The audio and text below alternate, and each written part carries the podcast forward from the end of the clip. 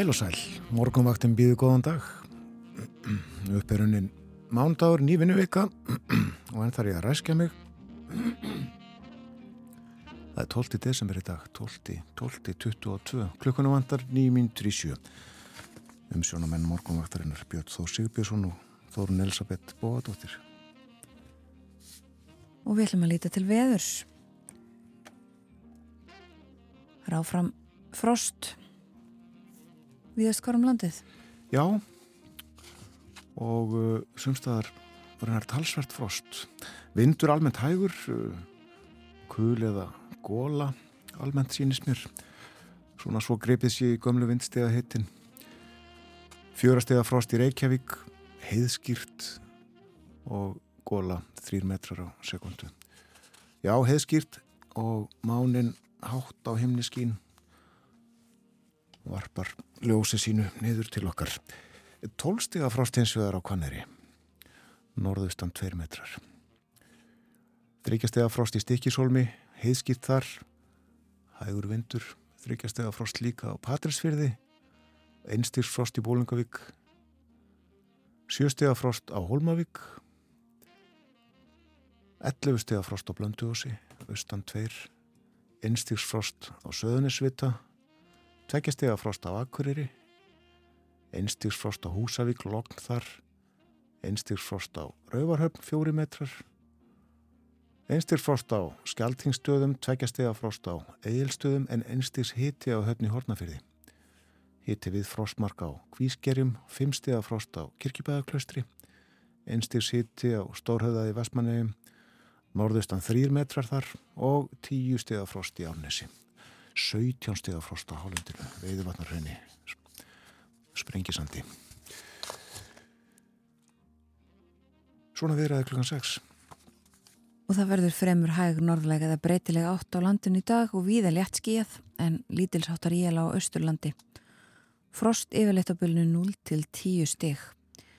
Það kvessir í kvöld, gengur í norðaustan og norðan kalda eða strekking með jæljum norðan og austanlands dregur svo úr vindi á morgun og verða dálítil jélum landið norðaustanvert og einnig síðst á landinu síðdegis yfirleitt þurft og bjart á vesturlandi og það herðir á frosti á morgun og næstu daga er útlitt fyrir áframhaldandi norðlega ráttir með köldu veðri. Frostið eh, í kortunum alltaf 20 stegum á förstudag. Vá, wow. eða ekki að ilja okkur bara hlusta á díunu Vorvik? Jú. Hún á ammali dag. What the world needs now is love, syngur hún.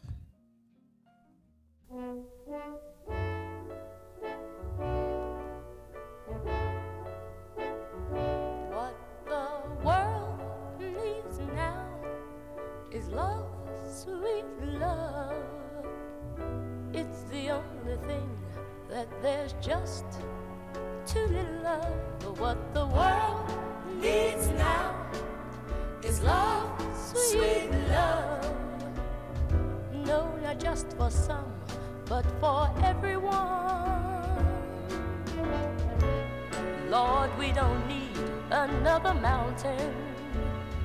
There are mountains and hillsides enough to climb. There are oceans and rivers enough to cross, enough to last till the end of time. What the world needs now is love, sweet love. It's the only thing that there's just too little of. What the world needs now is love, sweet love. No, not just for some, but for everyone. Lord, we don't need another meadow.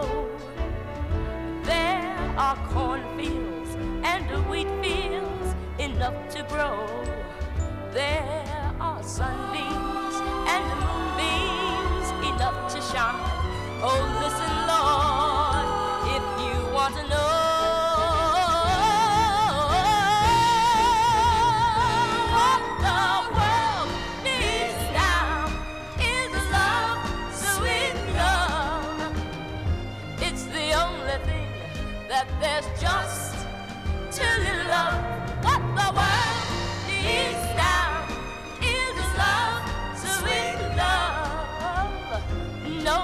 Just for some, but for the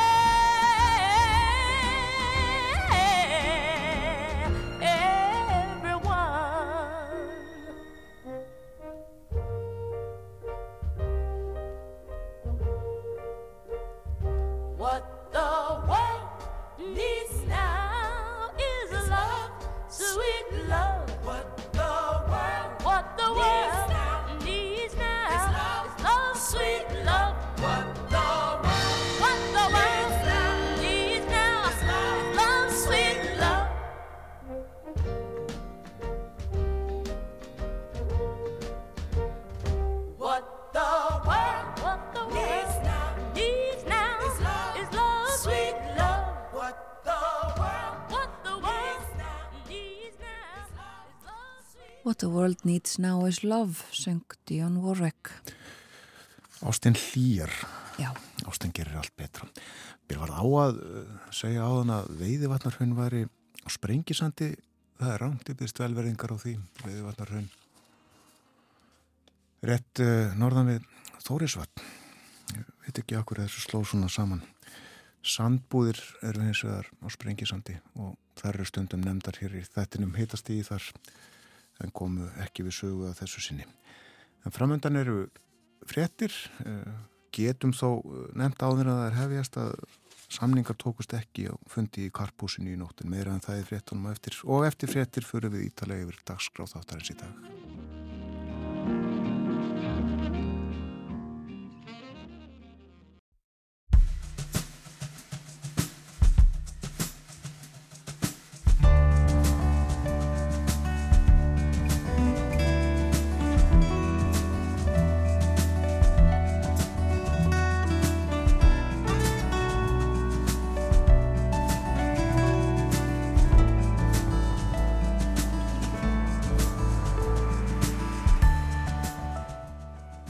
Morgonvaktin helsar og býður góðan dag. Í dag er mánudagur 12. desember. Og ymislegt á dagskraf hjá okkur í dag. Þekkt er kenningin um eh, viksleverkun launa og verðlags í verðbólgu. Hækki laun, hækkar verð, hækkar verðbólguna og getur upp launahækkunina. Nýransók sínir að þannig gerist það ekki. Launahækkanir valda ekki verðbólgun. Áskei Brynjar Torfason segir okkur frá þessu og fleiru í spjalli um efnaðasmál upp úr klukkan átta. Samkvæmt lögum öðlast hús og mannvirki sjálfkrafa aldursfriðun við 100 ára aldur. En nú stendur til að breyta því. Lagafrömmar þess efnis er til umfyllunar og alþengi. Pétur Ármansson og Þór Hjaltalín frá Minnjastofnun Íslands koma til okkar upp úr klukkan halv átta og ræða um það hvað þessar breytingar muni hafi för með sér. Nóember var einstaklega hlýr og sömuleiðis fyrstu dagar aðvendu en svo tók að kólna og enn kólnar í vikunni og þá hækkar fólki á opnunum. Og við notum líka talsvært meira ramag nú en venjulega. Jólaljósin eru nú víða og mörg og þurfa sitt. Við fjöllum um orkunótkun, gera það klukkan hálf nýju, lesum af stóru mælunum hjá beitum. Umsjónamenn morgunvaktarinnar eru Björn Þór Sjóbjörnsson og Þórun Elisabeth Bóadóttir.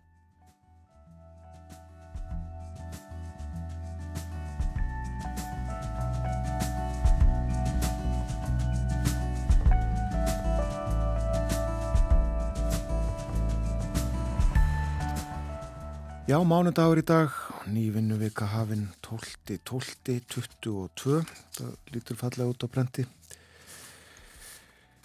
Og uh, kolniða myrkur auðvitað, nema við uh, njótum sumstaðar á landinu ljósins frá tunglinu.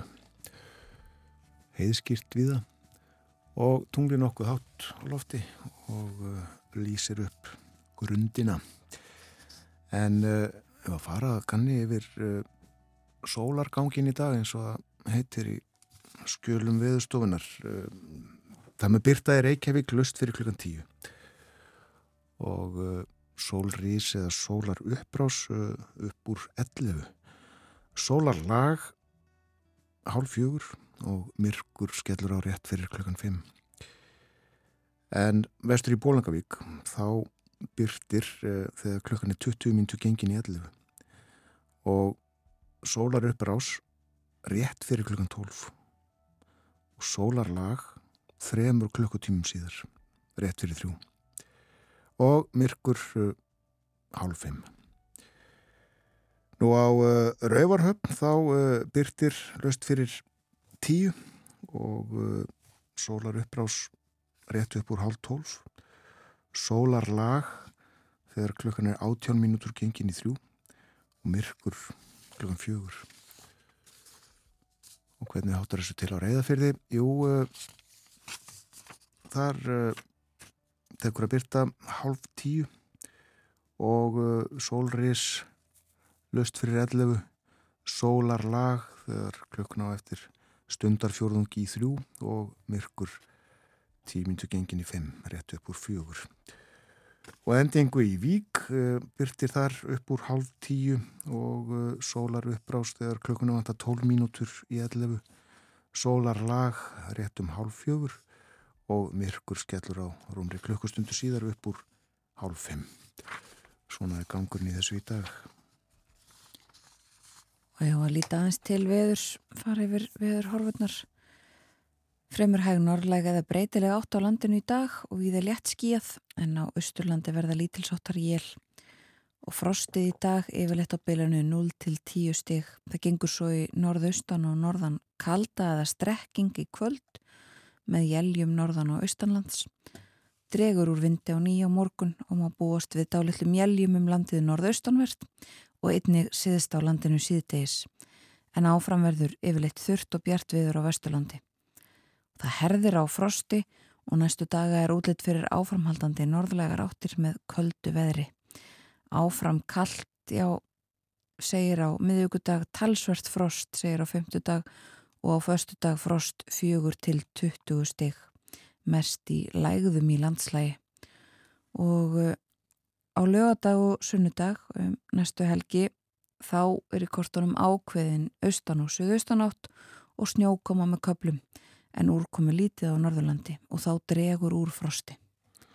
En uh, já, næstu 20 steg af frost og jáfnvel 20 steg af frost semstæðar á særi förstæðin. Já, uh, sínist það að vera kaldasti dagurinn í kortunum en töluvert kald uh, alla næstu daga. Já, og kald nú þegar 10 steg af frost í Árnesi klukkan 6 í morgun fyrir réttrumri klukkustund, 12 steg af frost á Kvanneri 11 stíða frost á Blönduósi og 17 stíða frost á Hálendinu. 17 stíða frost meldist á við veiði vatnarhraun í morgun ég held að það sé eh, mesta frosti sem að ég hef séð eða mann eftir allavega þennan veturinn. Og það er vetrar færðum mest allt land uh, helst í formi hálku eða hálkubletta segir í tilkynningu frá viðagerðinni Við lítum í blöðin, innland og erland hér eftir smástund en uh, hlustum fyrst á eitt lag.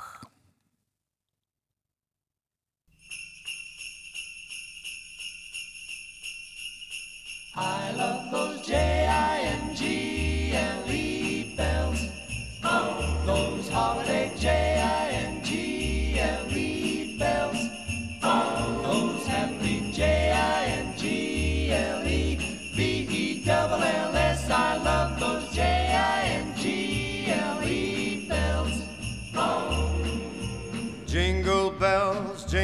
bells, jingle all the way Oh, what fun it is to ride in a one horse open sleigh. Jingle bells, jingle bells, jingle all the way. Oh, what fun it is to ride in a one horse open sleigh. Dashing through the snow Doodle. in a one horse open sleigh. Doodle. O'er the fields we go, Doodle. laughing all the way. Doodle. Bells on bobtail ring making our spirits bright. What fun it is to ride and sing a sleighing song tonight.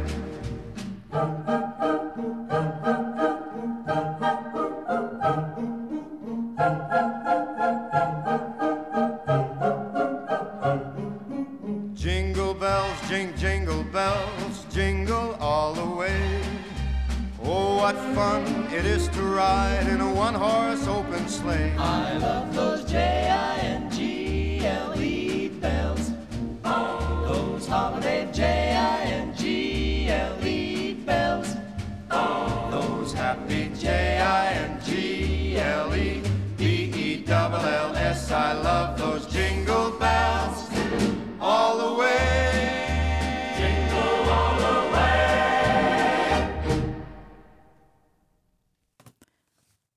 Þetta var Frank Sinatra. Afmælisbart dagsins, hann fættist þennan dag ára 1915 og uh, þetta lag af blötunni A Jolly Christmas from Frank Sinatra sem kom út árið 1957.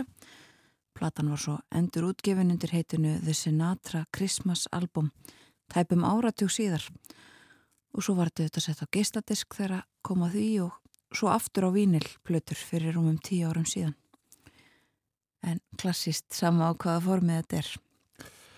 Við lítum á fórsíðu morgunbladsins, stór mynd, fimmdálka mynd og síð á uh, fórsíðunni og á henni er Jólasveitn, stekkjastur. Já, hann kom til byggða í nótt. Akkurat. Ekkert Jóhannesson ljósmyndari rakst á hann fyrir utan glukka í gerkvöldi. Já, og morgunblæði sé ég líka uh, minnir á hvaða Jólasveitn kemur næstur á fórsíðunni. Uh, þetta er auglýsing, sínist mér. En það er ágætt fyrir uh, þau sem ekki muna, svona þöluna og, og, röðina á þessum Jólasveinum. Það er mitt giljakur. Já. En fréttinnar, uh, marathón fundur stóð enn yfir segir hér í fyrirsögn og það er átt við samningafund í karpúsinu hjá Ríkisáttasemjara en fólk hætti að funda fundi laug sent í nótt eða snemma í morgun á þess að samninga tækjust en fólk kemur aftur saman klukkan eitt í dag. Og uh, svo er hér uh, rætt um raflínur sem að stendur til að leggja. Það er ráðgert að Holtavörðu heiðarlína 1 loftlína verði lögð á milli klafastada í Kvalfyrði og að nýju tengiverki á Holtavörðu heiði og likur lagna leiðin að hluta til yfir eignalöndi í kvalfyrði og borgarfyrði og rætt er hér við landeiganda sem segir þetta er bara tímaskekkja þetta á heima á hálendinu. Það er miklu skinsanlega að fara yfir kjöl þar eru tvær línur fyrir og þetta myndi bara fara eftir þeim. Og fjallaði þetta sannsættin í morgumblæðin í dag. Og förum aðeins til útlanda og byrjum á fórsíðun og New York Times í bandaríkjanum í dag. Um, þar er fjallað um kínversk málefni, myndin frá Beijing í Kína uh, af ungu fólki. Þetta er svona kynning á alls konar starfsmöguleikum uh, og segir í mynditekstanum mentun átti að leiða til vel borgaðs starfs en það er ekki lengur raunin, segir hagfræðingur sem að rættir við. Þetta er í takt við það sem við rættum hér á dögunum uh, þegar Lína Guðlu Alladóttir var hjá okkur talaði um stöðumála í Kína og segir í fyrirsögninni hér uh, djúb óanæja meðal uh, kínversks ungs fólks Hún ristir dýbra heldur en bara óanægja með COVID og COVID uh, sóttvarnar aðgerðir sem að hafa verið uh, í gangi lengi. Uh, þetta hefur auðvitað haft sitt að segja um það að fólk hefur ekki lengur atvinnumöguleika og efnaðars ástandið erfiðara fyrir rungt fólk og segir hér að jafnvel þó að stjórnvöld séu að létta á ymsum reglum sem verður að gera sannlega að þá sjáu þessi unga kynsluð ekki mikla möguleika fyrir sig í stöðunni.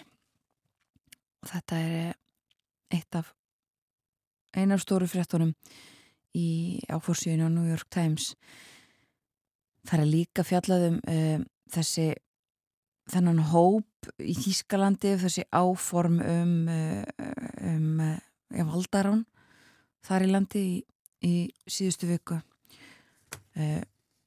undir fyrirsögninni Valdaráns plott, prins og uh, öfgahægrið í þýskum uh, hilsubæ Spa-town já, uh, fyrirsögn á þessari umfyllun í New York Times í dag. En uh, förum þaðan til Breitlands Þar eru flest blöðin með umfjallanir um uh, harmleik sem átt sér stað þar í gær.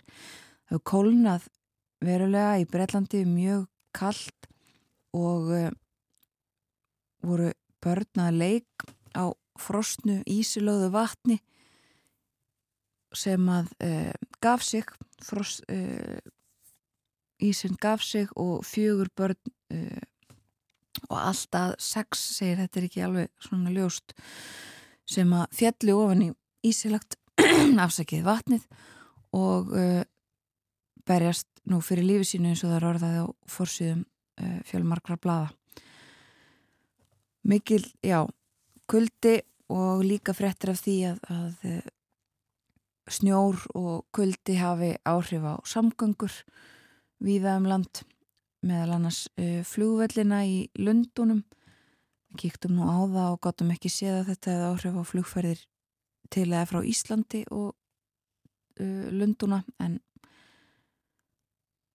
einhver flug allavega uh, og einhverjar tafir á, á flestum þessum stóru flugvellum í söður hluta Breitlands Það er sérst óvöður þar.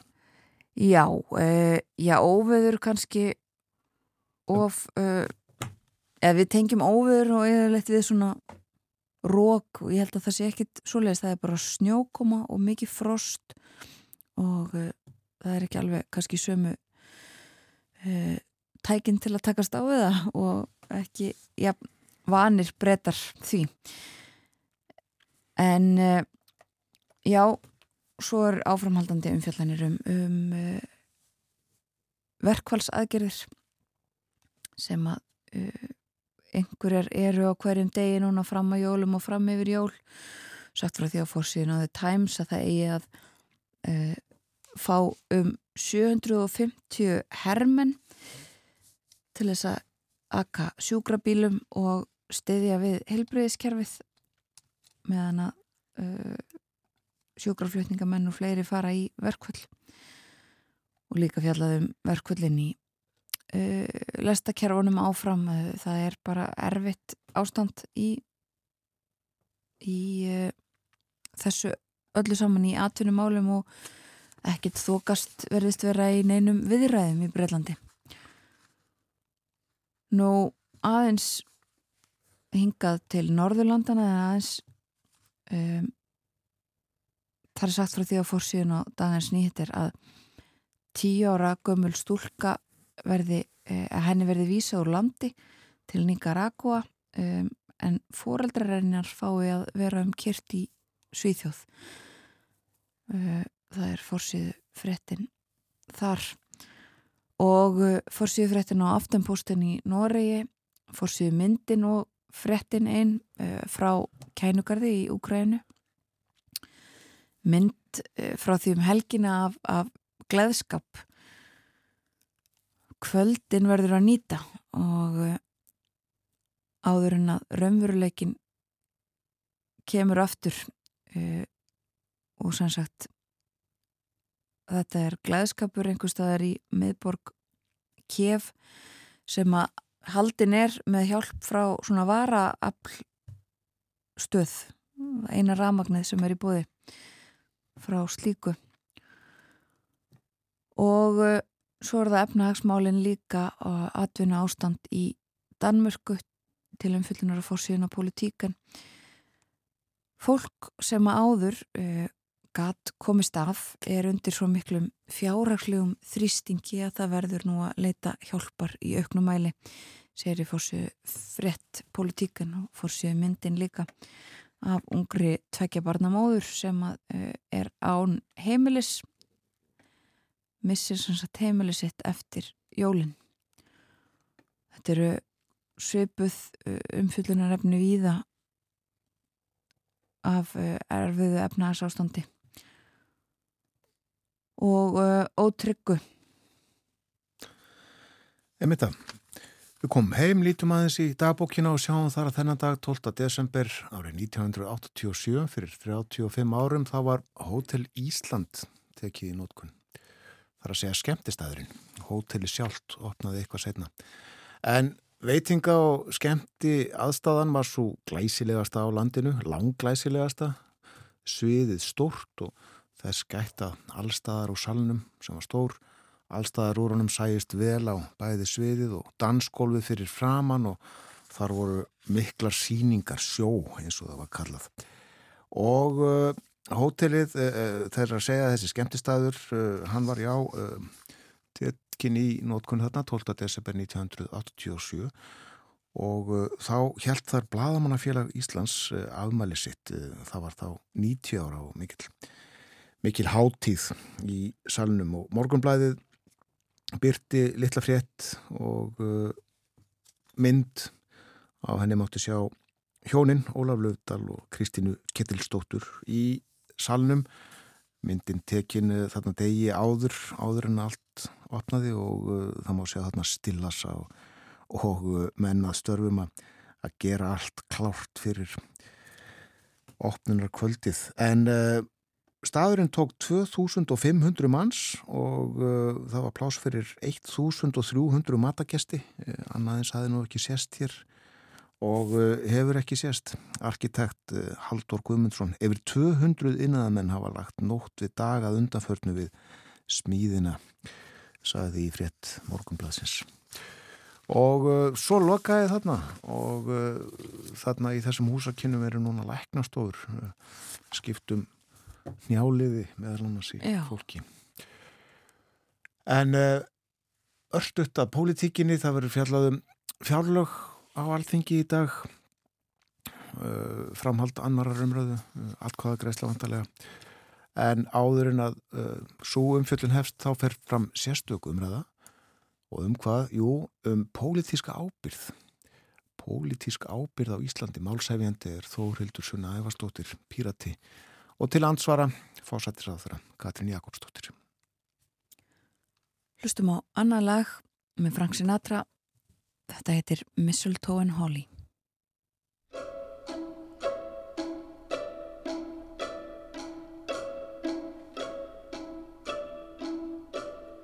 Oh, by gosh, by golly, it's time for mistletoe and holly. Tasty pheasants, Christmas presents, countrysides covered with snow. Oh, by gosh, by jingle, it's time for carols and Kris Kringle. Overeating, merry greeting from relatives you don't know. Then comes that big night giving the tree the trim. You'll hear voices by starlight singing a Yuletide hymn. Oh, by gosh, by golly, it's time for mistletoe and holly. Fancy ties and granny's pies and folks stealing a kiss or two as they whisper Merry Christmas to you.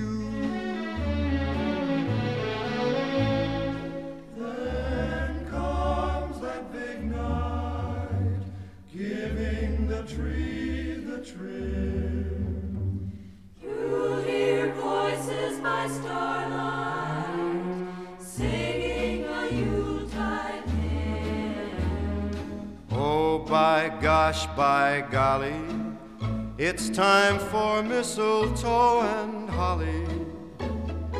Fancy ties and granny's pies and folks stealing a kiss or two as they whisper Merry Christmas to you.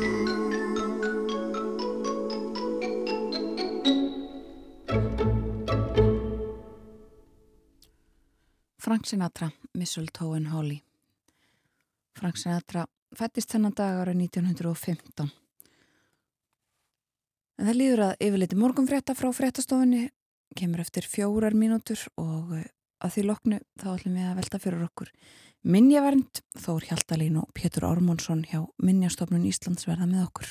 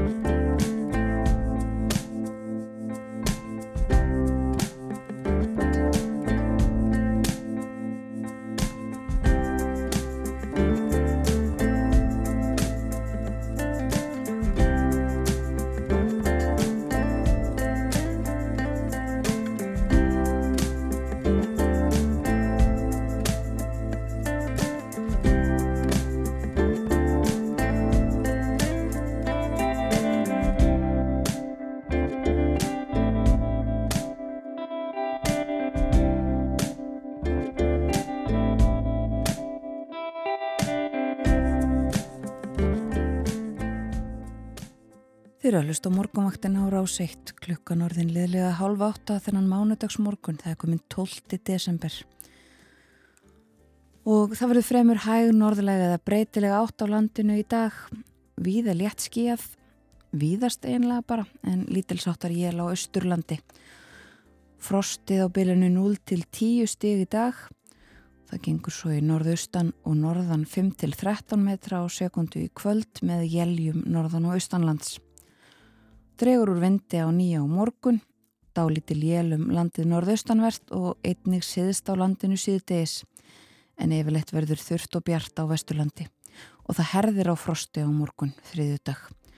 Þá verður frostið á bylunu 2-12 stig, segir í spáni, áfram svo kallt á meðvöggudag, áfram norð, norðlegar áttir uh, ríkjandi og á fymtudag talsvert frost á förstu dag verður svo snjókoma norðan og vestan til og frostið á bylunu fjögur til 20 stík. Það dregur svo aðeins úr frosti um komandi helgi samkvæmt spáni og þá múi gera ráð fyrir snjókomi með köplum víða um land. Og uh, þessu fylgir vetrarfærið um mest allt land helst í formi hálku eða hálkubletta en víðast hvar er ágættis ferðaveður, segir þó í tilkynningu frá vegagerðinni. Hægur vindur og mikið til úrkomulust utan lit til sáttarjælja norðan og austan til. Og við minnum á það að hér á eftir ætlum við að ræða um, um einmitt eh, veður tengd mál þó að november hafi verið hlýr og fyrstu dagar aðvendunar eh, þá hefur kólunað og eh, við ætlum að tala um orkunótkun í kuldanum. Fáum til okkar uh, og lesum af eins og við orðum að stóru mælunum hjá veitum. Fjöllum um orkunötkununa bæði vatnið og rammagnið upp úr klukkan hálf nýju og eftir frettinar klukkan átta verður Áskir Brynjar Torfarsson með okkur. Ímislegt á dagskráni hjá honum. En nú þetta. Fyrir viku síðan var hjá okkur Þór Magnússon fyrirverandi þjóðminniverður Hann rætti við okkur um stopnun torfusamtakana sem voru stopnuð í tengslum við áformum neðurif Bernhöftstorfunar fyrir 50 árum síðan. Í spjall okkar kom til tals og kvölduð 100 ára regla, nokkuð sem að sett var henni í lög og hveður á um að öll hús og mannvirki sem eru 100 ára eða eldri séu friðuð. Að óbreyttu myndi þetta þýða að á næstu árum myndi fjöldi friðaðra húsa markfaldast en nú stendur til að breyta þessu. Hingað á morgunvaktinu eru komnir Þór Hjaltalín og Pétur H. Ármannsson. Þeir eru báðir söðstjórar hjá Minjastofnun Íslands. Velkomnir báðið tveir. Já, takk fyrir. Við viljum að byrja á að fara aðeins yfir þetta. Eh, sko, hversu lengi hefur verið miða við það að öll hús 100 ára og eldri fái sjálfkrafa friðin? Um, sko, sjálf 100 ára reglan á sér nú bísna langa sögu. Um, það er nú næst, jáfnveil aftur á, á til þess tíma þegar lögum verðn fornmenja var sett árið 1907 að þá hafði þáirandi þjóðminjavörður Mattias Þóraðarsson þessa hugmynd að, að, að miða friðun fordleifa, ekki húsámanvirkja heldur fordleifa við hundrað ár. Það gekk þó ekki eftir á þeim tíma heldur var farin svo leið að, að friðlýsa sérstaklega og það er svo friðlýsingaskrá sem við byggjum á í dag varðandi fordlegaðnar. Eh, 100 ára reglan varðandi fordlegaðnar var svo tekin upp í laugin 1989 og þegar það er gert, það er auðvitað mikil framsýni að gera það eða, eða mikið, mikið og gott innlegg vegna þess að, að 100 ára reglan hefur sannarlega varið menning, Íslands menningalandslag undan farna ára tíi fyrir bara framkvæmdum og öðru slíku. Þetta er svona ákveðin varúðaregla hún tryggir það að, að minjarnar koma inn til okkar til skoðunar en minjastofnun hefur svo heimild í lögum til þess að aflétta þessari friðun. En varlandi húsin að þá var farið að miða við uh, að, að hús all 100 ára og eldri væru aldursfriðuð í lögunum frá, 1900, nei, frá 2012 Já. núgildandi lög sem Já. sagt Þannig að þannig hefur þetta verið í, í tíu ár og þetta er einmitt eins og segir að mörguleiti góð regla uh, en nú er árið 2022 senn á enda og uh, það er sagt frá því í þessum breytingum uh, lagafrömmarfi sem að leggur til breytingar á þessu að einmitt að óbreyttu þá myndu á næstu árum uh, fjöldi aldursfriðaðara húsa og minja bara hreinlega markfaldast þannig að það bara já þetta er eiginlega sett hann fram að það er þið bara ekkit við það ráðið er það, er það þannig? Já, það, já, það vil þannig til að, að, hérna, að byggingarsagan hún svona sveifla svolítið eftir, eftir efnahag þjóðarinnar og um, á árum fyrir heimstyrjaldar og, og árunum þar og eftir þá var svona sam, mikið samdráttaskeið á Íslandi, lítið byggt og, og, og lítið um framkvæmdir en svo upp úr miðrum þriðja áratug 20. aldar þá var breyting þarna og þá kom þá fór í hönd mikið uppbyggingaskeið alveg fram að heimskreipunni miklu 1930 þannig að á þessum tímabili þá var byggt mjög mikið á húsum. Þetta er það tímabili, þarna var farið að þarna, þá voru komin í gildi lögun skipala bæja og sjávarþorpa og, og mjög mikið byggt af því sem af steinsteftum húsum bæði Reykjavík og, og Víðum land og, og mikið framkvæmt. Þannig að Sko fríðun er náttúrulega ákveðin kvöð sem er lögð á húseigandur og uh, það var kannski mat okkar sem að endur hjá minnjastofnun sem endur speklast náttúrulega í þessu frumvarfi að, að það væri óþarfi að leggja þessa kvöð á allan hennan fjölda húsa. Já. Hins vegar er í lög, lagabreitingunni sem er til skoðuna núna e, þá er svo kallu umsagnar skilda framlengt. Hún hefur verið, hinga til verið miður við 1925. Það þýðir í rauninni það að minnjastofnun, sko, þegar að sveitafélög, þegar með sækjum að breyta húsum eða rýfa þau, þá óskar sveitafélög eftir eða skiplas yfirvöld á hverjum stað eftir umsögn frá okkur. En við höfum þá bara umsagnar vald, það er sveitafélagi sem ákveður hvort að má breyta húsun eða rýfa. En við erum að leggja til að þessi umsagnarskilda verði framlengt til 1930 því að hún, hún, er, hún er miklu mildari stjórnvalds aðgerð heldur en fríðunin sem aldursfríðunin sem hún hefur verið. Já, þannig að það myndi þá breytast uh, og það segir einmitt, uh, ég held að sé greinagerðinni að sko uh, ljóst er að hvorki er hægt nýja æskilegt að vernda allar menningar minnir og hús.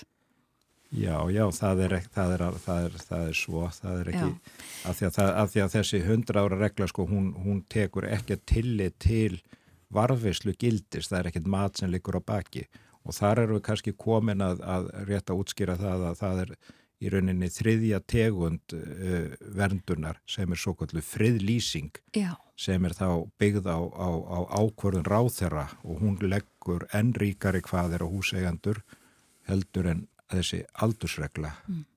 og, og hún er, hún er sem sagt, uh, hún byggir á hún byggir semst á faglu álit og það er í rauninni kannski til að vernda það sem að kallar þjóðminjar eða þjóðargersemar.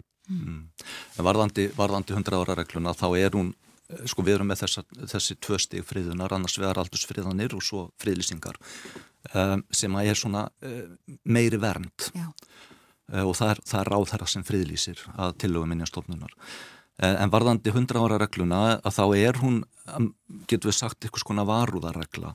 Hún tryggir það að málinn komi inn, við skoðum þau og svo höf, hefur minnjastofnun heimilt til að létta af friðun. Þannig að við fáum minnjarnar skráðar og, og, og í tengslum við skipulagsgerð og framkvæmdir að þá er þetta alveg leikilatriði vegna þess að þá höfum við tækifæri, það þarf oft svo lítið til að neka til eitthvað pínu lítið, færa til byggingareit, eh, setja kannski strenglögn, eitthvað aðeins til hliðar, að, að þá eru við að þyrma þessum minnjum sem að ella færu forgörðum. Já. Að þessu leiti er 100 ára reglan mjög mikilvæg og ef að staðan er þraung og menn verða bara að fara yfir eitthvað, þá er það gerðnan farin svo leið að, að menn heimila þá að eitthvað sé, láti fara eða mm. að tiltaknum uppfylltum skilirðum sem að fælst á í eitthvað skona rannsóknum en, en bara í langmestu meiri hluta mála 95-7% þá, þá er hægt að leysa þessi mál mjög einfaldlega og, og, og að þessu leiti er 100 ára reglan mjög góð Já. Eh, en núna eins og Pétur er að segja við erum að saksa okkur inn í 20. stöldina inn í steinsteipu og einaðaröld og þetta er að verða gríðalegt magn minja þannig að, að kannski er einfaldar að bara einfallega að fara miða við ártal og reyna svo bara til þess að dekka því það eru þetta merkilegt sem að er yngra að reyna þá að dekka það bara með einhvern svona markvissum hætti mm. friða hugsanlega einhverja minjaflokka strísminjar eða, eða hvað sem það er yfirnaða minjar eh, og, og, og velja þá markvist Já. hvað við erum að, frið, að venda Þannig að þessi 100 ára regla hún hefur um eitt þjónað vel hinga til en núna myndi þetta bara já núna myndi það gera ykkar vinnu og annara í þessu auðveldari ef hún er afnuminu og meða við eitthvað fast ártal Það er rétt, já, já. Uh, og ártalið sem meðaði við í lagaframhansbyrnu það er 1923 og þú ert aðeins búin að fara yfir það sko, breytingarna sem að urðu á þessum árum þar á eftir. En það er samt ekki uh, allir sem að hafa haft skoðun á þessu frumvarfi á því að, að það sé rétta árið til þess að meða við. Einhverjir held meðal hans Reykjavíkuborg og, og samband íslenskra sveitafélag að vilja fara aðeins aftar meða við til dæmis kannski árið 1918 Hver, hvers vegna vilja einhverjir miða við uh, það ár til dæmis? Já, það, það er hérna, jújú, jú, það er náttúrulega fullveldis árið og lok fyrir heimstýraldar. Það er alltaf hægt að finna, yfirleitt alltaf hægt að finna einhverja svona skýringar en vandinni sá að, að það núna eh, síðan 1980 þá eru síðan, síðan lögin tóku gildi þá hafa hús árabilinu frá 1918 til 1922 þegar verið undirgengist þessa aldursfriðun og það er búið að afgreða ímis mál sem að það sem hafa verið lagðar ákveðna hvaðir og takmarkanir á húsegundu frá þessu tímabili sem að væri mjög skrítið að, að, að, að hérna verði ekki sangjart ef, ef þessi regla er svo allt inn, ef frið, friðun er þið aflétt, þannig að við höfum í rauninni ekkert val um að bakka aftur í tíman. Við verðum að, við getum farið fram í tíman og og úr því sem komið er úr því að lag, þetta lagafrömmvarp eftir umfjöldinu þá er bara mjög eðlilegt að miða við 1923 það er hvorki betra enn í verra ártalið en hvað annað en það má þó benda á að, að þarna var farið, þetta er svona upphaf þess tíma sem farið verið að vinna skipula í bæja og það náttúrulega var ákveðin breyting á, á eðli uppbyggingar í þéttbílistöðum það fram að þeim tíma þá hafður vaksið svona nokkuð skipulaslaust en þarna var farið að vinna að skipulagi og þarna svo eins og ég segi svo kom þarna mikið fram, framkvæmda tímabil mm -hmm. þannig að það er út af fyrir sig allt í lagi að, að, að hérna en það hefði alveg mátt miða við 1918 eða 20 eða 21 þess vegna en, en það er bara því miður ekki hægt. Já, já. Uh, En svo er það auðvitað þannig aðeins komið inn á þetta en, en það hljóta að vera svo einhver hús sem eru byggð á þessum árum einmitt sem við erum að tala um eftir 1923 og kannski fram til 1930 sem eru uh, þess virði og ætti sannlega að friða. Já, já og uh, það sá, sá, sá möguleikir alltaf fyrir hendi að, að friðlýsa. Eru en... með einhver svona dæmi, er eitthvað svona sem að blasir við til dæmis að Eh, var byggt á þessum tíma til dæmis hér í Reykjavík sem hefur sannlega varðuslu gildi og ætti að hljóta friðun. Já, við getum tekið sem dæmi korpúlstaði. Emmett. Já. Sko, uh, það er ímislegt uh, eh, sem kemur fram, eða lagafrömmarpi sjálft er, er stutt en það er ímislegt sem kemur fram þarna í svona þessu tengdu minnjastofnun var til ráðgjafar, er þetta ekki rétt hjá mér, mm. við gerð þessa frömmarps. Um, það er líka tekið fram þarna að uh, það er viljið stjórnvalda að ráðast í heldar endurskoðun laga um menningaminnir. Er þörf fyrir það að eitthvað mati? Uh, núgildandi lög eins og við komum inn á þann voru sett uh, 2012 mm -hmm. kom, og hafa reynst mjög vel. Mm -hmm. Þetta eru, eru byggja á náttúrulega miklu eldri lögum byggja stórum hluta á lögum um verðin fornmenja frá 1907 þannig að það er löng hefði þessu. Og, og menn hafa verið að gera breytingar alla öldina uh, uh, og lagað og bætt og, og ég held að við séum að þessu leiti með mjög fín lög og gott mm. tól í höndum til þess að verja menningamenjar um, en það eru þetta, nú er komin tí ára reynsla á, á þetta. Um, margt hefur gengi vel sumt þarf að laga og bæta. Uh, það er svona ímis atrið í lögunum sem eru bara svona tæknilegs eðlis getur við sagt sem að væri hægt að, að, að uh, svona laga til í þessu. En, en svona heilt yfir uh, er, er þetta, eru þetta góð lög? Mm. og, og ég held að þetta sé grunnur til að byggja á áfram og, og byggjiru þetta bara á evróskri hefð Já, ég tek undir það að reynslana þessum tíu árum hefur bara verið síns sig að mm. þessi aldursregla, hún hefur verið mjög gott svona tiltöla mildt eh, stjórnarstæki til að tryggja það að það ekki verði engin slís, nú kannski það og við höfum náttúrulega stór hluti okkar vinnu er að leiðbynna og, og fjalla um erindi, um breytingar á friðum húsum og í undateknika, það er eiginlega undateknika löst að okkur tekst alltaf að finna einhverja löstnir á þessu. Við erum uh, til þess að gera vil ég meina sveianleg þegar fólk kemur óskar eftir breytingum á húsum að því að hús eru náttúrulega nýtja hlutir og það er við erum háð því að, að einstaklingar sem eiga þessi hús séu reyðbúin að leggja fyrir í að viðhalda þeim og þá þarf kannski ofta að gera á þeim breytingar til að þau geti uppfyllt hlutvirki sínu til dæmis sem góð íbúðarhús og auk þess að halda þeim við og endur nýja þau þannig að, þannig að reynslena þessu er bara eh, mjög góð og, og sömulegis náttúrulega það má geta þess að sveitarfélagin leita mjög oft til minnjastofnunar um umsagnir enda þótt en ber ekki neinn lagaskilda til þess, til dæmis hús frá 1940-50 við fáum yðurlega beðnir um að fjallum slík mál, það álitamál sem að þau vilja gerna fá álit okkar þó að það sé bara ekki byggt á nefni lagasetningu. Já. Í dag er það þannig að 100 ára reglan gildir um bæði fordlevar og hús og mannverki. Uh, í upphálfu frumarströgunum og þá var það þannig að, að uh, fordlevarnar þátt að miða við árið 1900 og, og en húsin við 100 ára regluna. Uh, þessu var breytt á, á síðustu metrunum. Í lögunum það ráður þá var það öfugt, þá var það aldursfriðun á húsum en 100 ára reglan gildum forlevar sem er kannski verri kosturinn. Við höfum alltaf tílagt áherslu á það að, að þetta væri samræmt vegna þess að við getum lendi svolítið skrítinni stöðu ef við segjum að, að hús, ef, ef við tækjum til dæmis upp þetta ártal sem að Pétur nefnir hér 1923 og við höldum 100 ára reglunni varðandi forlevar þá værum við kannski með hús sem að væri byggt 1924 sem að væri ekki friðað en ef að á, eftir svolítið stund þá væri það hérna, væri hérna, ef það myndi brenna segjum Já.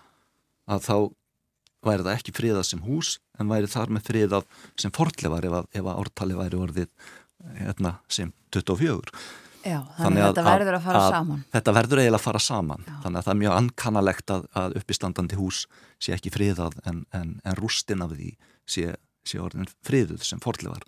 Þannig að það er mjög heppilegt að við, við samræmum þetta. Já, og kannski ég myndi aðeins í lokina því að þú nefnir þetta, það kemur líka fram þarna, sko til dæmis gattavirskirðingar sem e, eru bara víða. Já.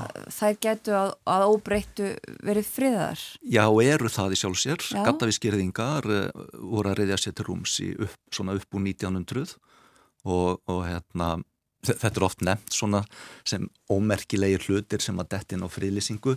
Auðvitað er það, er það hérna þannig að, að uh, Já, gattavískýringar voru nú kjarnan þannig að, að það var hlaðið undir þær þessar eldstu og verða svona svolítil garðlög uh, til að gera þær fjárhældar.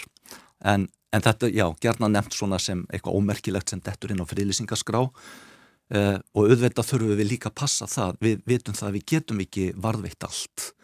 Og, og uh, en, en það eru samt svona einar minjar ímsar sem eru áhugaverðar, það var núna söguganga um daginn var það ekki með fullt af fólki sem var að skoða hérna, eh, sögu slóðir skolpræsa? Uh, sem dæmi og, og, og það er áhuga á þessu og, og mörg mannvirki sem að snerta uh, vassveitu og ímsan yðina sem að eru áhugaverðar og veri gaman að eiga eitthvað af og eftir af. Við sjáum það bara til dæmis bara við sem munum hérna bara símaklefana þeir hurfu bara í einu vettvangi brúsapallar við bæi hverfa um, bensinstöðarnar, hvað verður um þær? Svo dæmis í tekið uh, oft mjög flott mannvirki og, og velhönnuð Eh, þannig að ef við náum að, að velja eitthvað úrval í staðis að láta hundrað ára regluna ráða því hvað verður eftir eftir hundrað ár þá þurfum við kannski að vera svolítið proaktív og, og, og, og framsýn og sjá, heyrðu, hérna eru við með þetta, við, skra, við skráum þetta og veljum svo eitthvað gott úrval af því sem að væri gaman að halda í. Já. Þannig að, að, að þessu leiti er, er hérna, og eins og ég segi með, með þessar yngri minjar, þetta er alltaf spurningin hvernig ætlum við þá að, ef við miðum við ártal, hvernig ætlum við að standa vörðum yngri minjarnar um, við, við þurfum að bara fara svolítið vandlega í það mm. hvað er þess virði að, að, að velja bestu bitana bara strax. Til þess að, og jáfnvel ykkur að minja flokka eins og strísminjar og annað sem við viljum passa sérstaklega upp á En annars já, að velja bestu bitana og, og passa vel upp á þá. Já. já. Kæra þakki fyrir að koma til okkar á morguvaktina Þór Hjaldalín og Pétur Armarsson hjá Minjastofnun Íslands. Takk.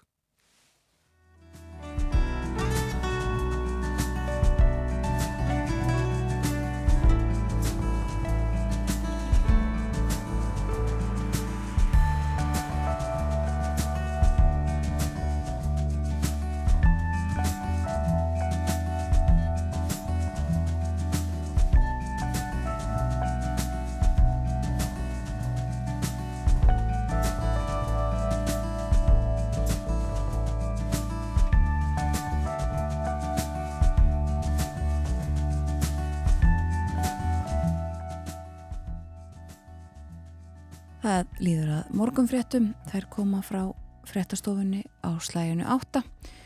Þór Hjaldalín og Pétur Ormonsson frá Minnjastofnun. Haldnir út í daginn, hófu daginn hérna með okkur að ræða um minnjavernd og 100 ára regluna svo kalluðu. En að loknum fréttum þá verðum með okkur Áskil Brynjar Torfarsson sérfræðingur í fjármálum.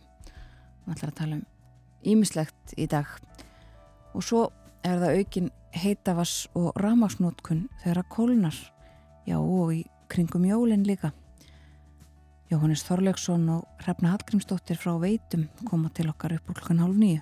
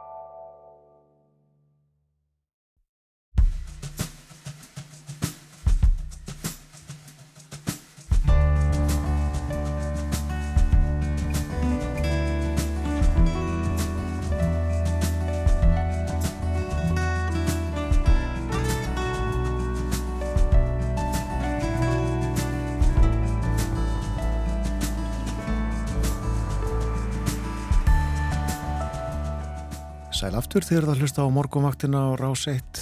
Við seglum í rálegutum eini daginn og vikuna og kuldaskeið talsvert.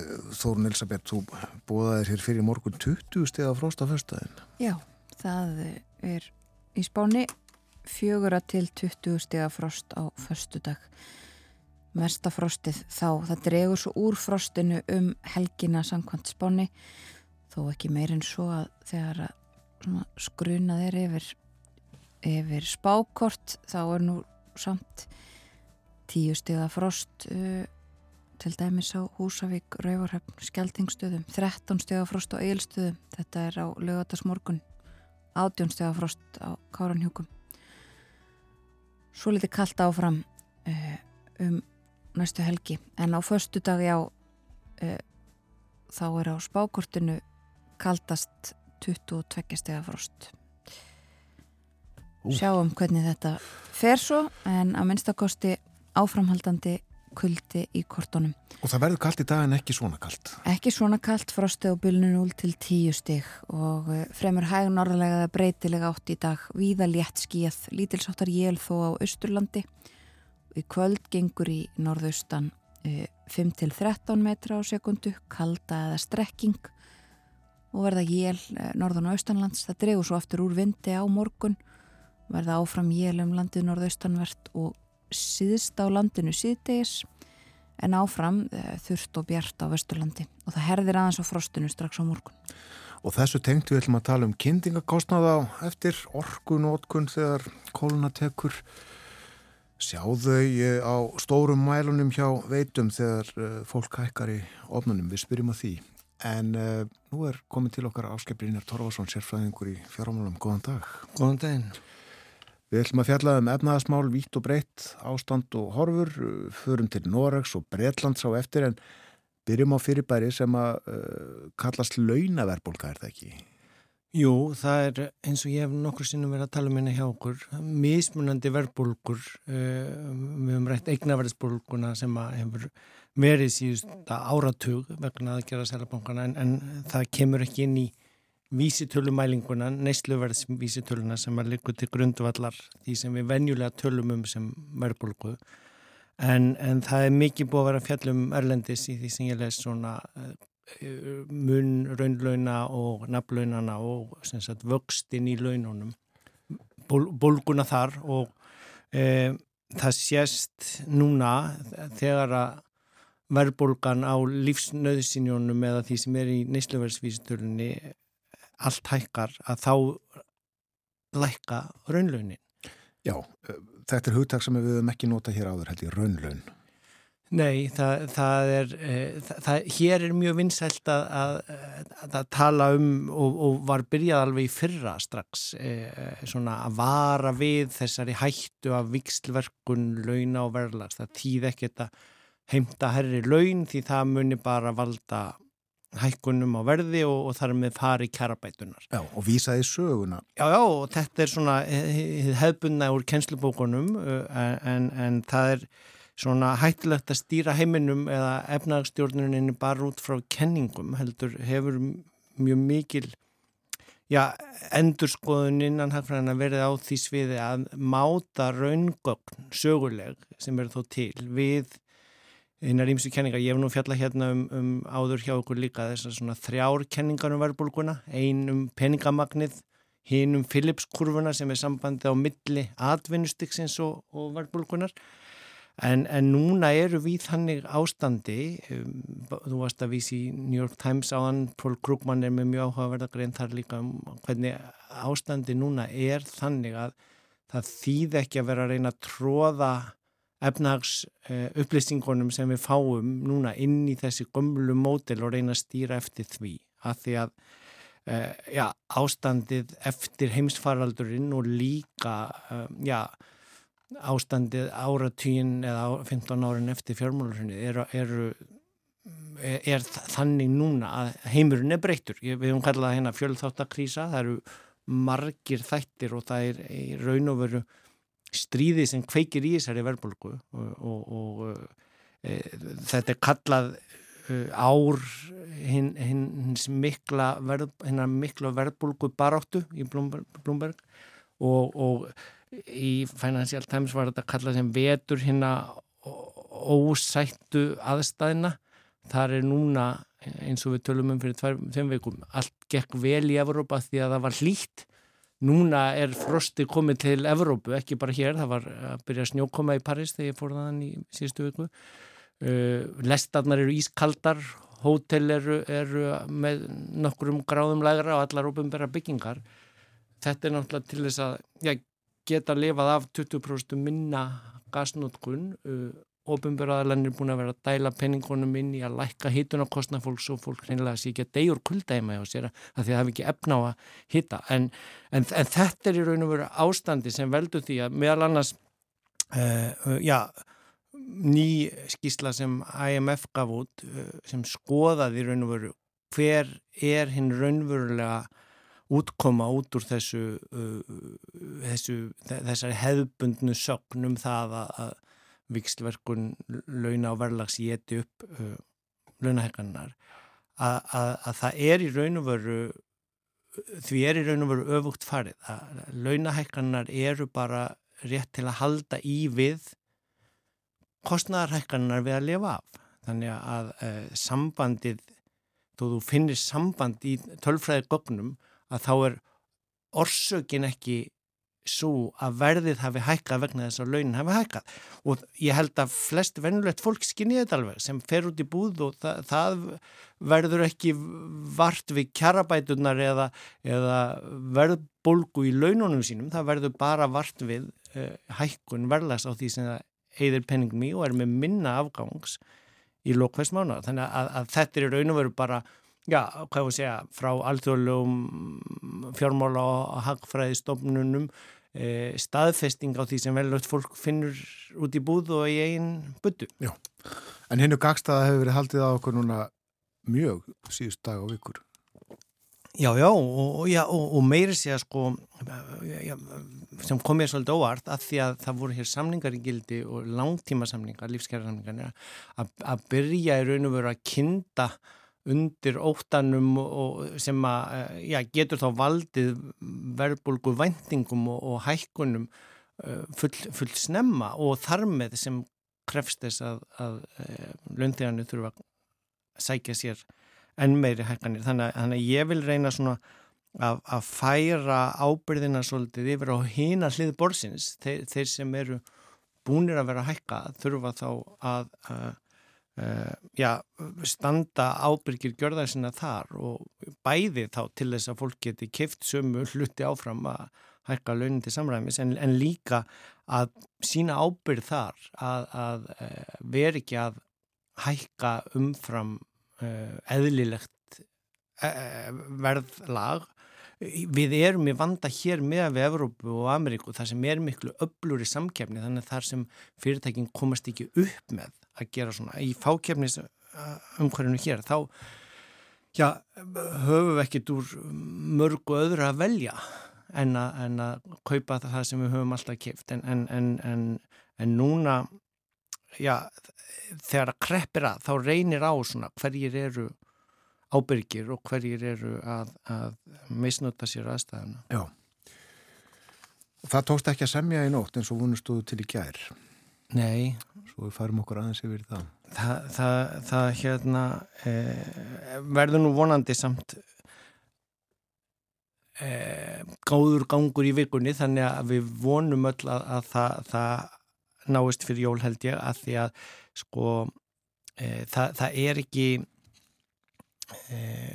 held ég neittna að hugsa um þar núna að reyna að ná einhverju nafluna hækkun sem bara brenn upp á verðbólkuborðuna. Það er verið að kljástum að ná e, kjarabótum upp í allavega það sem er búið að hækka nöðþurstinnar og, og það, það var nú sko, áhugaverð frétt frá Evrópu, úr Evrópska Sælabankanum í síðustu viku. Já. Þar er, er, er starfsfólk Sælabankans farið að hóta verkfalli af því að því var bóðinn einhver 1,5% launahækkun en þau sína fram á sín megin við borðið að, að kostnaðarinn hafi hækkað um 4% þannig að þau vilja allavega reyna að ná því. Þannig að um, ég er nú ekki að segja að það fara að bóða að það verði hérna lögniðu störfi í, í Sælabankunum þar vegna kjara barðu en, en, en þetta í raun og veru er ágættis lýsing á ástandinu að það, það, það þarf að ná jafnvægi þarna og þar vil ég þá já, benda á að, að ábyrðin er báðmegin borðsins en ekki bara hægt að benda á eins og hefur verið gert hér alveg frá því fyrra að um, verkalýðurinn þarf að passa sig heldur, ég held að atvinnureikundinu þurfi að, að sína sína ábyrð þannig líka. Já, já það hefur uh, allt, flest allavega hækkað og uh, það eru svolítlar uh, launahækanir í samningunum sem að starfsgrunnarsambandi gerði um daginn. Við veitum ekki hvað við erum að tala um í, í uh, þeim viðræðin sem að nústanda en uh, sko tekjurnarinnar uh, Brynju Bjarnadóttur þær eru ekki að hækka um það sem að alma allra rukkana meira fyrir íbúðun á hverjaskutinni. Nei, nei og, og þar, það náttúrulega, þar sjáum við svona dæmi og bylgu sem hefur gengið um þar sem að, að já, neytendur hafa þá aflýja stiðja e, já, leinduna með því að vera ekki að vesla af þeirri fyrirtækjasamstæðu sem kemur svona fram og, og, og þá finna þau kannski eitthvað til ábyrðar vonandi.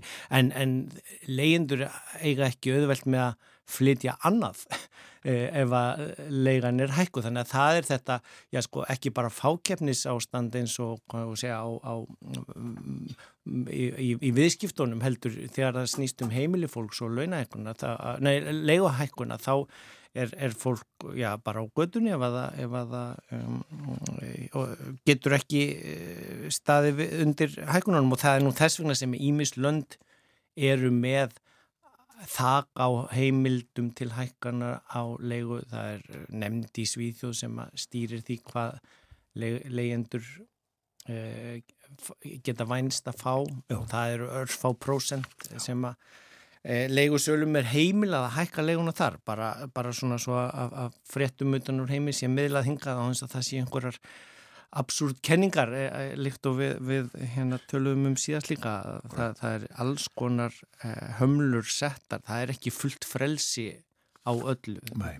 En eigendur og, og stjórnandur fyrirtækjana, stóru fyrirtækjana bera mikla ábyrð í, Já, ég vil höfða til þeirra að því að, að verðbólka næst ekki niður nema allir leggist á áratnar og, og síni hófsemd. Einmitt.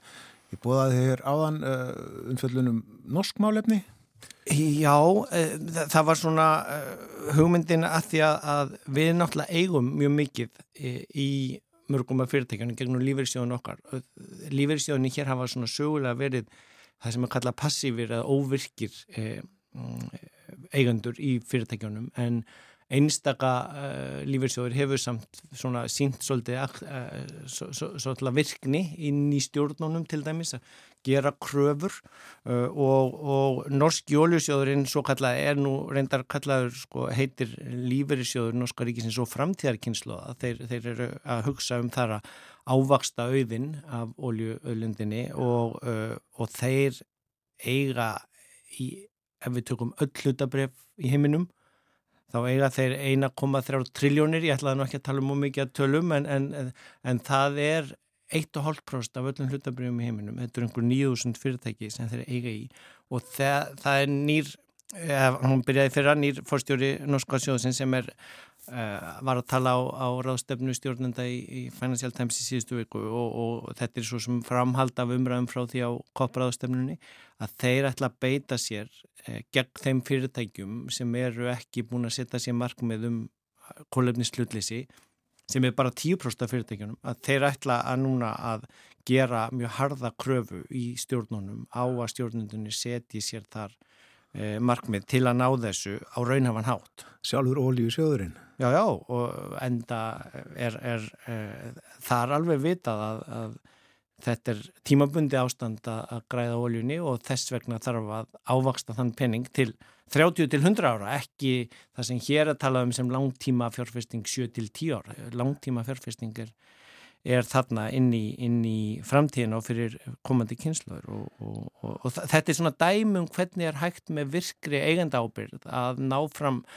já, um, ábyrð í rekstrinum og þeir hafa líka beitt sér fyrir ofháum launum stjórnenda og sögðu þarna í síðustu viku, ég meina þegar lífskjara krísa, hún er um allan heim meir og minna að, að, að þá er ekki boðlegt að fórstjórarnir séu að skamta sér eða stjórninar að skamta fórstjórunum uh, launahekkanir langt fram úr því sem er í, í bóði annar staðar. Hvað segir þau? Á uh, norski ólíðsjöðurinn 1,5% af öllum hlutabriðum í heiminum? Já og þetta er sko uh, auður sem er búin að sapnast upp. Ég var í meistaranámu fyrir 20 árum, rétt eftir aldamótin út í Núriði þá var þetta frekar nýtt fyrirbæri svona, og, og bara frá því 2008 eh, er hann búin að sexfaldast í stærn. Wow. Og uh, það er hort langt fram í tíman í Nóri. Já. Framtíðin hér er yfirleitt bara örf á ár fram í tíman. Já, já. Og, en ára týr í Nóri.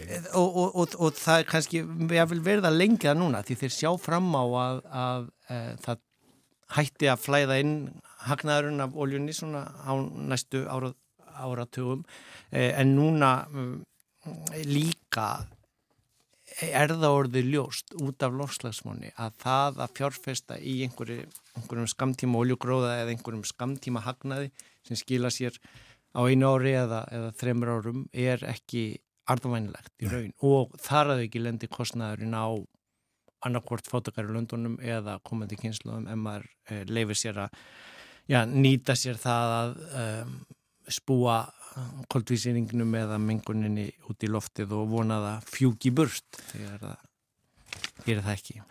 Förum þá til Breitlands ásker. Uh, Lundunir uh, voru lengi fjármála miðstöð Európu en svo er ekki lengur búið að kveða upp úr um það. Já, það, Bloomberg var með það í fyrirsögn og, og, og þetta er náttúrulega, já, ein, einn af mörgum liðum í brexitinu sem að það að þeir fóru út af sammeila evrópska markaðinum sem er kjarnin í Evrópusambandinu að það uh, er eiginlega búið að vera byrtast svolítið harkalega núna. Uh, menn kannski heldu að þetta myndir reddast en, en það er ja, hvað ég að segja, frost í skuldabrjöfútgáðum í gegnum Londonmarkaðin uh, og IPO-in, sem er hlutabrjöfútbúðin eins og þetta sem við vorum með fyrra hjá Íslandsbankarnum til dæmis mjög mikið af svona hefur venjulega farið í gegnum um, breska fjármálakerfið fyrst eða stæst og, og þetta er nú svona sögulega þannig að sko ef við, hans ég ætla að fara ólangt aftur í svona, breska heimisveldi var náttúrulega þannig að sterlingspundi var í raun og veru aðal gældmiðl heimsins fram að já, setna stríði ef við getum sagt sem svo. Og uh, svo er það í raun og veru eftir stríð og í uppbyggingu þessa nútímalega umhverfis fjármála heimsins alltjóðagjaldarinsjórin og, og e, það sem kemur eftir e, Brettónum útsræðastöfnum 44 að þá fylgir því e, að dollarin tekur við, bandaríkjadallarinn tekur við sem svona grunngjald með heimsins eða forðar með heimsins og, og, og stellingsmundi mingar. Þeir verða fyrir miklum tapi þegar að að þeir gangi inn í evrópska myndsamstarfið og verður árásopundið og fellur. Þannig að, að, að það er svona sögulega uh, skýringin.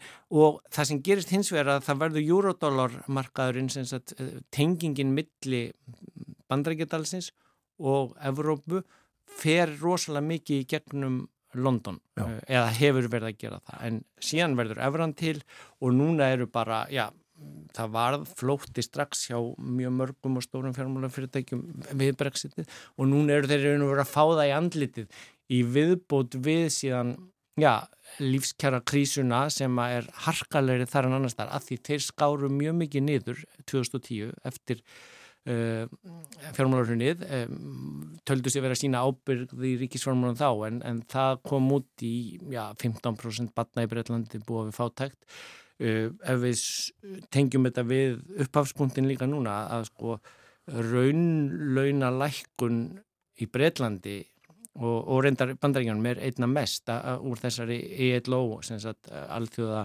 vinnumálastofnuninn, ASI heimsins, að var að sína fram á þessa raunlauna lækkun sem í fyrsta sinni hefur verið næstu 1% á þessu ári núna, við erum bara með tölur á fyrir helmingnum, en hún var ennþá meiri í bandaríkjanum og Breitlandi og ennþá meiri hjá ofinbjörnstarsmannum í Breitlandi heldur en engagerum. Þannig að þarna er í raun og veru búið að setja upp verkfalls einingu inn í ráðneitunni hjá Súnak og, og svona, já, við erum bara að byrja að sjá vandan sem er að fara uh, bresta út þar á ekki bara fjármálamarkaðinum og fjármálasíðinu heldur líka bara í hinnum ofinbæra rekstri, spítalana, sjúkura bílanir, kerðir af hermunum og já, þetta er ekki það sem við viljum fara alltaf held ég.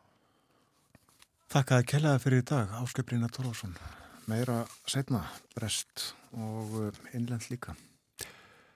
En framvendan er frettæðilegt hjá okkur hér á morgunvaktinni, fyrst auðlýsingar og eftir frettæðilegt ætlum við að tala um orkunótkun á Íslandi. Segjum betur frá því hér eftir smástund.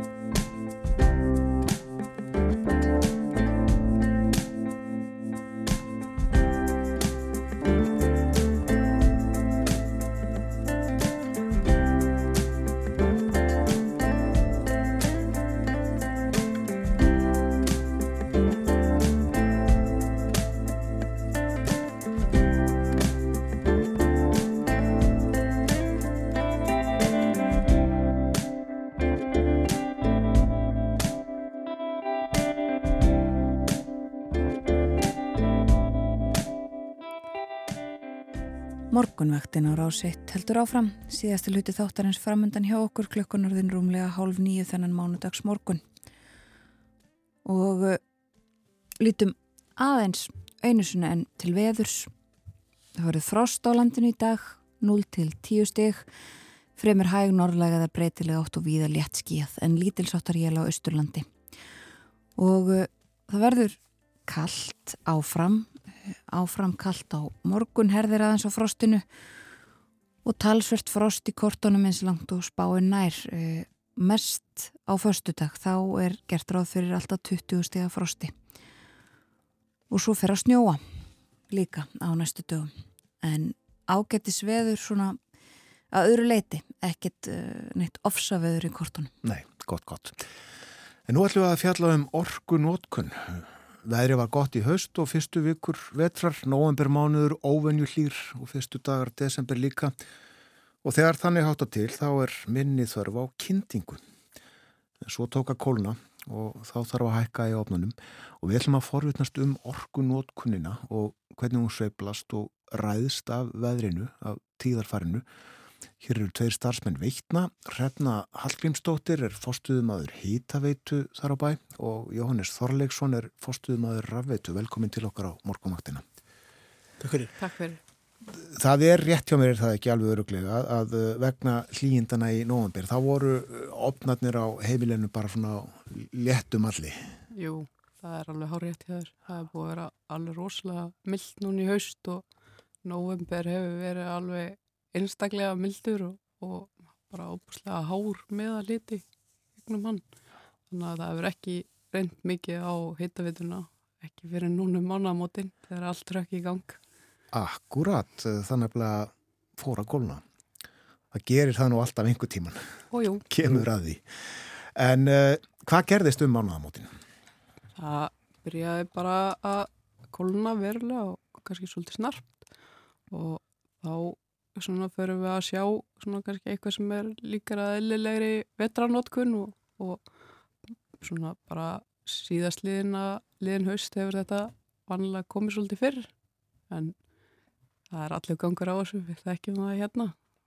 Við erum við þessa pluss mínus tíu gráður og sveiflumst á því billi hérna á Íslandi og þetta kemur bara í svona mismunandi köplum Já Voru þá allir opnar uh, hækkaðir í þrjá nána samtímis? Jú, það er rökk í gang Danforslokarnir en það er nefnilega svo gott að við erum með svona innbyggða hittastýringu í flestum okkar opnakerfum sem að kannski bara sjáum þetta sjálf fyrir okkur. Við byggjum um eitthvað ákveðin inn í hitta og þeir rökkast að. Já.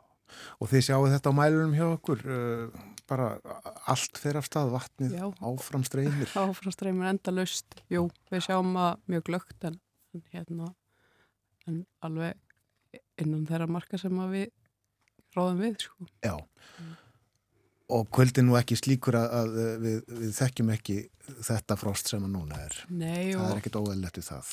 Og kannski það sem að hefur verið bestu síðastlinn og daga er að það hefur ekki verið mikil mikil vindkjæling.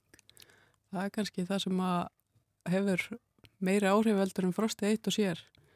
Þá nefnilega ferða að smjúa inn og reynir aðeins á þannig að það er viðráðanlegra ef það er stilla á frost. Akkurat. Jóhannes, hvernig er með ramagnið? Notu við ekki aðeins meira því á aðvendunni heldur en vanlega með jóluljósin? Jú, ramagsnótkun alltaf ekst hægt og rólega bara frá því ágúst og hérna en hérna, það er margt sem spilan inn í. Það er hérna, meðan skötulýsingin sem kemur inn, við sjáum hana bara eftir sem að, að hérna, dagurinn stittist, þá er meiri skötulýsing og þá þarf meiri orku til þess að viðhalda henni. Og varandi jólalýsinguna þá, þá sjáum við enginn svona skörp skil, fólk ekki reynilega setja þetta upp á mismundi tíma sem er bara jákvæmt, þetta kemur ekki eins með eitt högg. Þannig að þetta er svona hægt og rólega frá því november og fram í desember þá mallar þetta inn. Já og við sjáum að við erum að ná kannski svona hámasála í kerfinu í kringum svona 20. og 21. desember fyrir jól og svo sjáum við alveg strax bara í hérna, semst á jóladag og aðfangadag þá dettur nótkunni rosalega mikið niður. Rámasnótkunni? Rámasnótkunni, já. Þannig að við sjáum þá og svo hérna, ég hafði þetta fyrir helgi og við sjáum það eins og aðfangadag, það er mjög skemmtilegt að það er eins og við byrjum öll að elda á saman tíma, klukkan eitt, þá fara allir að opna landsins í gang og svo er búið, þetta er búið svona cirka klukkan fimm þannig að hérna, mjög, mjög mikil hérþegar. Já, akkurat.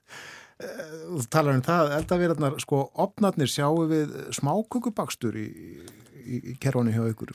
Nei, við gerum það ekki í dag. Við erum alltaf svo hérna, lánsum í rauninni að, að ráftæki sem við notum í dag, þau eru orkusbarandi með það sem voru áður. Þannig er ekki þessi gömlu opnar. Við sjáum rosa lítið, hérna, við getum ekki greint það sérstaklega þessi mikil smákukubakstur.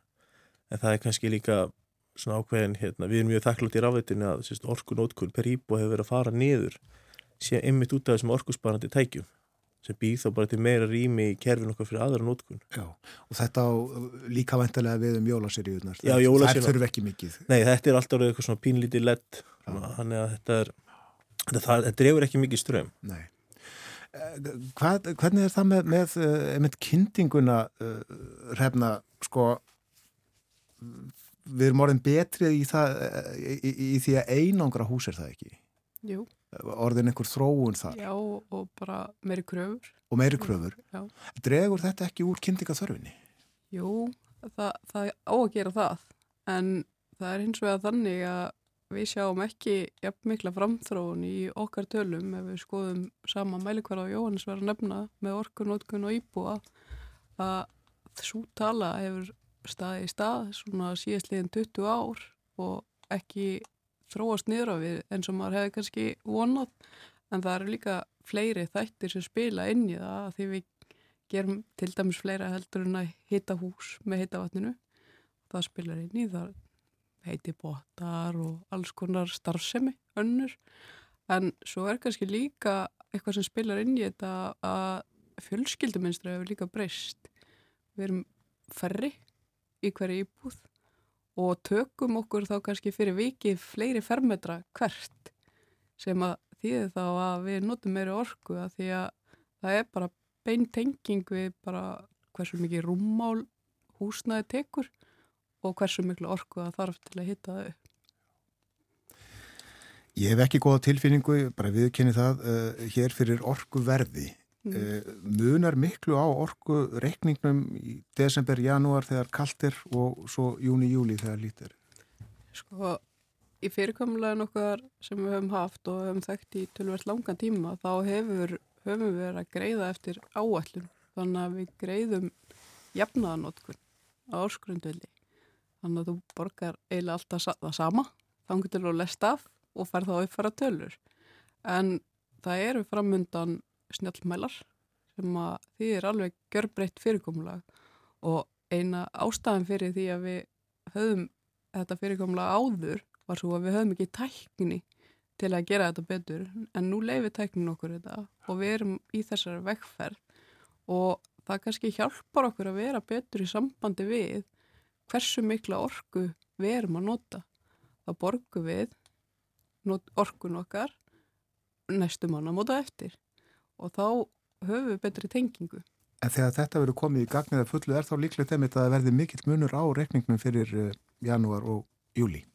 Já, það verður það. Það verður bara eins og hérna það er munur á eldsnittisreikningnum eftir hérna hvort það er sumar eða þú ert bara heima hjá þér hvort þú ert í ferðalögum eða hvort þú ert heima hjá þér. Þetta er bara beintengt við notkun. Og líklegt að muni mörg þúsund krónum á að kynnta íbúð segjum 100 fermetra? Uh, ég hugsa að hérna svona kannski við mið og það náttúrulega alls konar eftir bara hvernig hver og einn hefða sér en, en það verður ábygglega svona 50% um herra yfir álagstíman en, en þá samanskapi einhverju liti lærra þegar utan álagstíma. Já. Þannig að já, hann mun sveiplast og álæði á hittaveitu til dæmis er svona frá november nema og alveg fram í mars. Þetta er alveg fram í mars. Þannig að þú veist, það er svolítið álagstímin og auðvitað er það veðurháð en við getum haft áhrif á þetta með okkar hægðun. Já. Hversu mikið við þurfum að borga.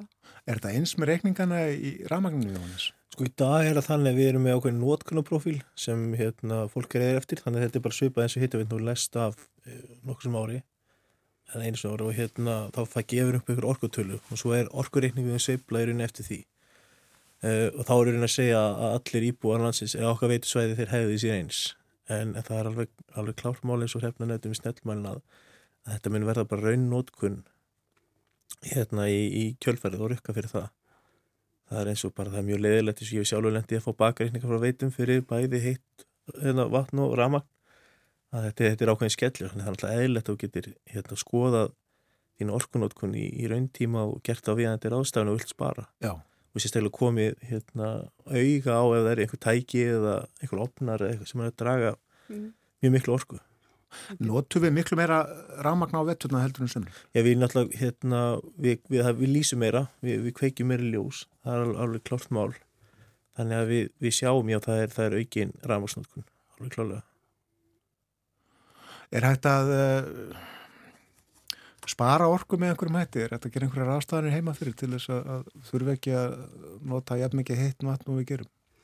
Sko 90% af heitafæðsnótkunni almennt er til húsitunar þannig að bestu sóknafærin eru þar og það er kannski þá fyrsta aðgerð að velta fyrir sér hittastíðun inn í hjá okkur að því við erum svolítið svona venjumst því sem við venjum, þú veist, venjum okkur á og okkur finnst kannski kallt ef við lækkum hittan þá finnst okkur að kannski kallt fyrst um sinn en svo verður það venjulegt og við höfum bara teppi í sófanum og hérna en það er mestu, mestu tækifærin þar. En ef maður veldi þá fyrir sér hvernig þá er náttúrulega mikilvægast að hýtakerfin nýti varman sem kemur inn sem allra best. Þú færði inn eitthvað ákveði hýtastig og þeimun lægra sem það kemur út þeimun betur nýtur varman þannig að það eru tækifæri þar hvernig eru kerf, ápnanir okkar, golfveitin okkar að hegða sér og þá er kannski gott að leita sér aðstofa frá pípara eða einhverjum góðum kunningja, hvernig, hvað maður getur gert. Svo eru margir sem kunna grúski í þessu sjálfur og elska það. Já. Það er líka bara rosalega gaman. En svo er það hinn, hinn þátturinn er að velta fyrir sér hvort að við séum að glata varmanum eitthvað neðin út úr húsin okkar. Eru til dæmis óþjættar hurðir eða gluggar sem að reynir þá sérstaklega á þegar það er orðið kallt og vindur. Þá smígur inn, ég held að allir eigi eitthvað reynslu sögur úr sínu lífi um hérna óþjætta glugga. Og þarna glötu við opbáslega miklum varma. Og svo er það hitt að þegar við erum búin að stilla alla opnan í botn og finnst það orðið svolítið heitt þá höfum við íslendingar eitthvað ótrúlega tilhengu til að skella, skella þá glugganum beint fyrir ofan alveg hérna upp á gátt. En þarna glatar við mjög miklum varma og rugglar opnin sem er oft staðsettur undir glugganum. Alveg óbúslega í rýmunu því hann heldur þá líka að sé alveg rosalega kallt og fer alveg að streyða við að halda húsnæðinu heitu. En þannig að hérna, auðvitað þurfum við að hafa eðlilega loftun úr húsinu okkar, það er líka eitthvað sem við erum að passa upp á en ég held að það sé ekki skynsalegt að nota þetta til kælingar. Nei, það er einmitt það.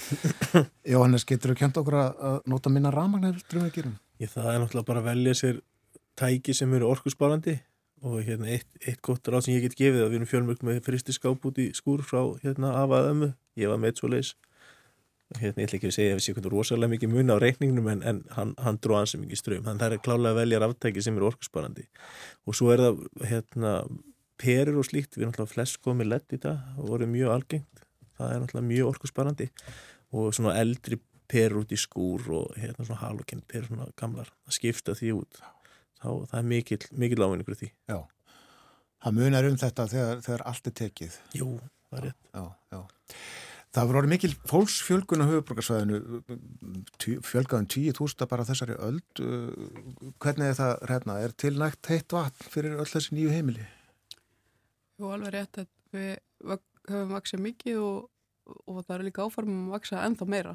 Þannig að það er okkar hlutverk að kortleggja auðlindir í kringum höfuborgarsvæði og við getum kannski hérna við erum svolítið heppin hérna á þessum hluta að eru ansi við erum ansið ríka þessum öðlindum en við þurfum samt að ganga óbúslega vel um þar því að þetta er ekki endalust og við þurfum að við mögum ekki vera með ágenga vinslu á þessar öðlindir því að þá getum við glata þeim. Þannig að við, það eru í okkar kortum og sem ná til næstu hundra ára að því það er okkar hlutverk að horfa svolítið langt fram í tíman þá hefur við kortlagt líklegar, líklega svæði en það er ekkit í hendi fyrir en það er í hendi.